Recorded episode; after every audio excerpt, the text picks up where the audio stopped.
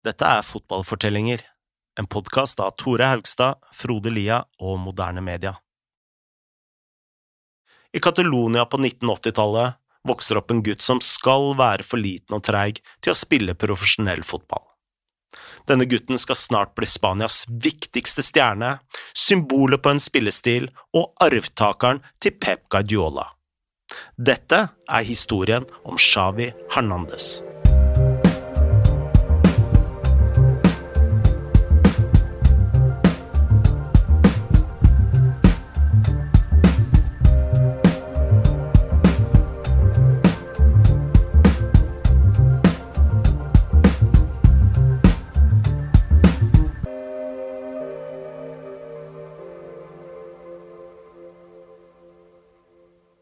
I den lille byen Terrassa, 30 km nordvest for Barcelona, finnes det en plass som heter Plaza del Progres. Den eh, pleide å bestå av en flate med sement, en fontene og noen få trær. På slutten av 80-tallet pleide en gjeng med gutter å spille fotball her etter skolen, og en av disse var Xavi Hernandez, som bodde i en av nabogatene. Dette var en tid da Barcelona ennå ikke hadde vunnet Champions League, og da Spanias siste trofé var EM i 1964. Savi han hadde en egen rutine i disse dagene. Han kom hjem fra skolen med håp om at mora hadde laga det beste han visste, som var makaroni. Så fikk han penger til å kjøpe ferskt brød like ved plassen. Men da Savi sto der med sedler og mynter i hånda, så ble han ofte distrahert av fotballkampen som foregikk på plassen like ved. Og mer enn én gang glemte han brødet fullstendig bort. Ofte måtte mora sjøl storme ned på plassen, minne Savi om hva klokka var, og si at han måtte få i seg noe mat. Og så spurte hun hvor dette brødet han skulle kjøpe, var blitt av, og som oftest hadde han enten glemt det helt, eller så var det ikke noe brød igjen. Stakkars Maria, altså Shavis mor, var vant til å håndtere sportsidioter. Hun hadde møtt ektemannen Joaquim i en bar hvor han pleide å spille kamper på, hva skal man kalle det, Tore, eh, fotballbord, eller? Ja, disse bordene hvor du har Hva heter det, sånne Jeg vet ikke hvordan jeg, jeg aner ikke hva vi skal kalle det. Nei, La oss kalle det fotballbord. Dere, dere vet, folk vet hva vi mener. Det er en ball, da, og så er det to som spiller, gjerne en sånn barspill. Ja. Uh, men de pleide å spille det til langt utpå natta, og i praksis måtte han eh, ofte sparkes ut av baren for at de skulle kunne stenge for kvelden. Joaquim var god nok til å spille for det katalanske laget Sabadell i andredivisjon. Så Xavi vokste opp med fotball i hjemmet, og når Xavi ikke spilte selv, så fulgte han med på kamper som en god, gammeldags nerd. Faren har sagt at Xavi har hatt en fotballbane i hodet helt siden han lærte å gå. Da Savi var seks år, ble han oppdaga av en fyr som heter Oriol Tort, som da var Barcelonas direktør for ungdomsfotball. Tort likte det han så av Savi, men han var bekymra over hvor liten han var, og dette var jo i tida før Cruyff og eh, denne fotballen med små tekniske midtbanespillere hadde blitt superpopulær. Da Joaquim hørte dette fra Tort, så sa han at ja, han er liten, men du, du kommer til å signere han uansett. Og han fikk helt rett i dette, for fem år seinere ble Savi invitert dit på prøvespill. Han skåra tre mål og spilte det han senere beskrev som sin livs beste kamp.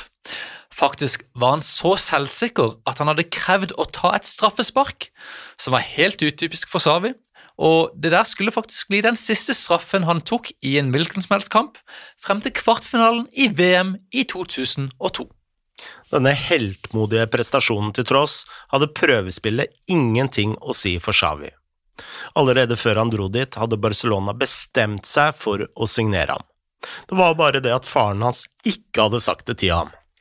Nå som Savi spilte for Barca og var en del av systemet, så skulle man kanskje tro at han spaserte inn på skolen fullstendig selvsikker, med Barcelona-trøya på, treningsutstyret i bagen og omtrent alt av Barca merchandise man kunne få kjøpt. Men Savi han gikk ikke bare med sine vanlige klær. Han sa nesten ingenting om det som hadde skjedd, til noen av de han kjente. Dette var litt sånn janteloven, egentlig, iallfall høres det sånn ut, for uh, han ville ikke at noen skulle anse han som en sånn spesiell eller annerledes fyr, eller en fyr som liksom trodde at han skulle ja, bli behandla bedre, eller trodde at han var noe sånn ekstra spesiell. Med mindre han hadde fortalt noe sjøl, så kunne ingen vite at Savi var blitt en del av Catalonias aller største fotballklubb. Det finnes mange historier om gutter som forlater familiehjemmet tidlig i tenårene for å bo på La Masia, hvor de ringer hjem med tårer i øynene fordi de savner mamma og pappa. Shawi trengte aldri å lide seg gjennom dette, og grunnen til det var enkel. Mamma ga ham ikke lov, så han trente med klubben på dagtid før han kom hjem til middag, og så fort han fikk sin første lønn, kjøpte han moren sin en brødrister. Ettersom Savi ble eldre, fortsatte foreldrene å være strenge med han. Siden faren hadde vært proff i andredivisjon, så beordra han sønnen sin om å spise riktig, sove nok og komme seg hjem til sengs før klokka ti. Hele veien måtte Savi følge en streng timeplan. I Barca ble Xavi fort kjent med Cruyffs prinsipper, men for ham var ikke dette noe spesielt nytt. Da han hadde spilt med kameratene på plassen i nabolaget, hadde han alltid hatt lyst til å ha ballen. Alt han ønska, var å ha den i beina og diktere kampen. Mange både hadde snakket og skulle snakke om Cruyffs fotball som noe banebrytende, men for Xavi var dette simpelthen den eneste måten å gjøre det på. Savi glei inn i rollen som defensiv midtbanespiller og playmaker. Som en klassisk fotballnerd så hadde han allerede studert de beste i denne rollen, blant andre Bernt Schuster, og nå bytta han over til Pep Guardiola. Han fulgte med på hvordan Guardiola spilte på så få touch som mulig, hvordan han roa ned tempoet i kampen, hvordan han justerte kroppen for å være i riktig posisjon når han mottok ballen, og hvordan han hele tida kikka rundt seg for å ha oversikten. Snart ble Xavi kalt opp på ungdomslandslaget, og han var i stallen sammen med Ike Casillas da Spania kom på tredjeplass i U17-VM i Egypt 1997. Så ble han forfremma til Barcelonas B-lag, hvor han var med å føre laget til opprykk til andredivisjon.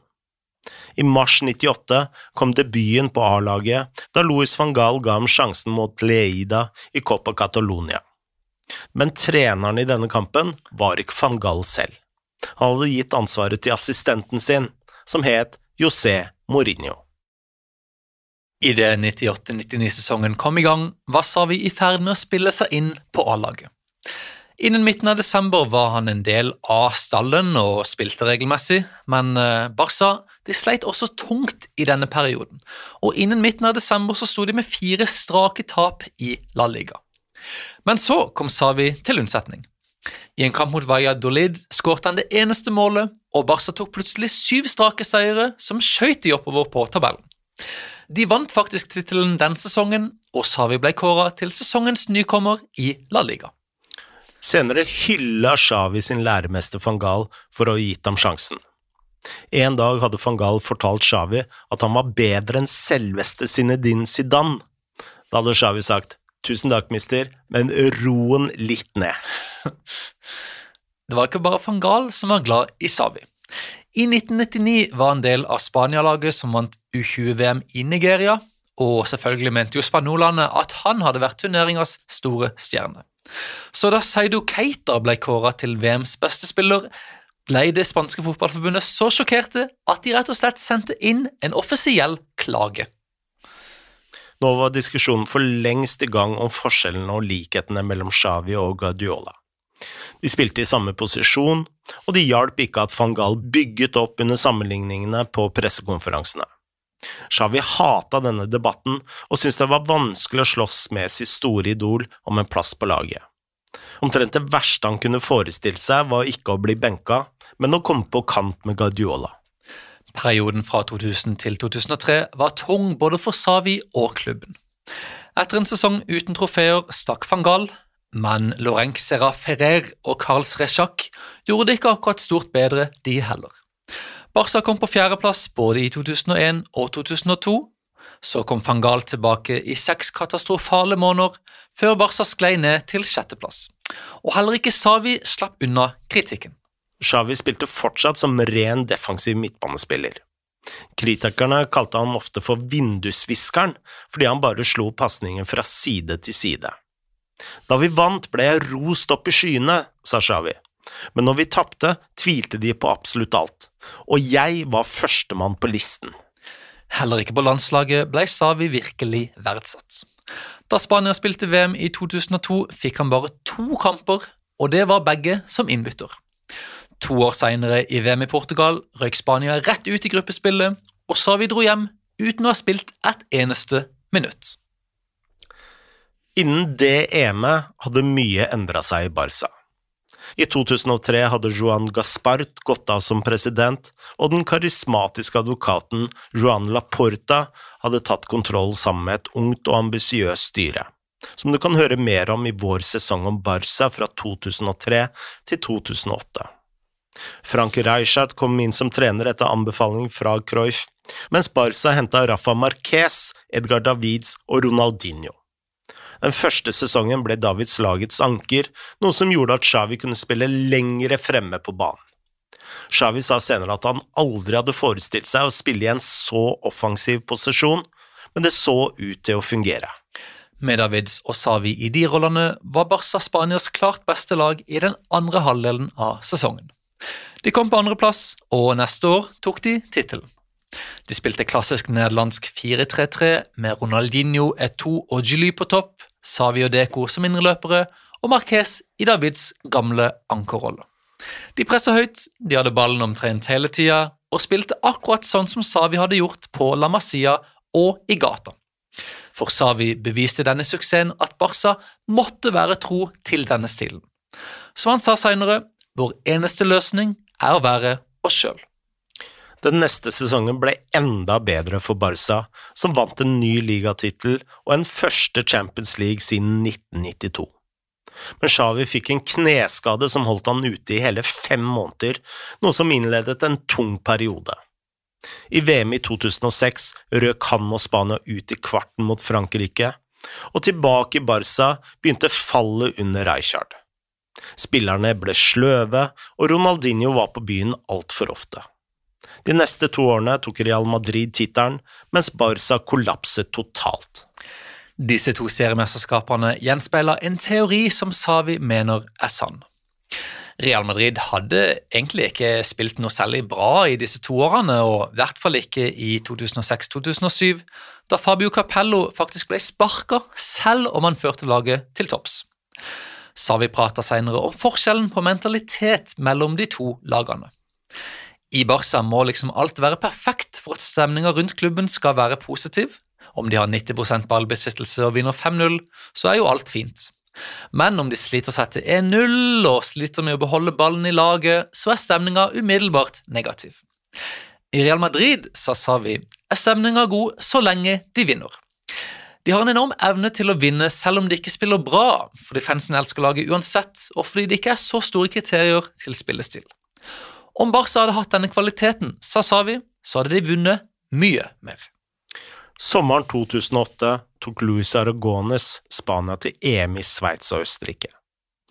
Han skapte et 4-4-2-system hvor Xavi og Marco Senna trakk i spakene sentralt, med David Silva og Andres Iniesta på kantene og Fernando Torres på topp sammen med David Bia. Spania kom seg ut av gruppa, slo Italia på straffer i kvarten og rundspilte Gus Hiddings Russland 3-0 i semien. I finalen mot Tyskland slo Xavi en stikker til Torres, som skåret kampens eneste mål. Spania var europeiske mestere. Debatten i etterkant handla om Spanias spillestil. De hadde beholdt ballen mye mer enn det som var vanlig på den tida, og symbolene på denne strategien var Iniesta, Silva og Savi. I 2004 hadde Savi fått to kamper som innbytter. Her ble han kåret av Uefa til turneringas beste spiller. Dette var en ny type anerkjennelse for Xavi. Det kunne fint vært en av superspissene som fikk prisen, men Xavi var blitt noe mer enn en individuell stjerne.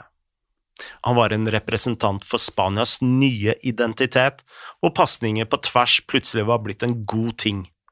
Ingen kunne vite om denne stilen var kommet for å bli, men da Xavi startet neste sesong i Barca, var Pep Guardiola på plass som trener. En ny epoke i moderne fotball var like rundt hjørnet.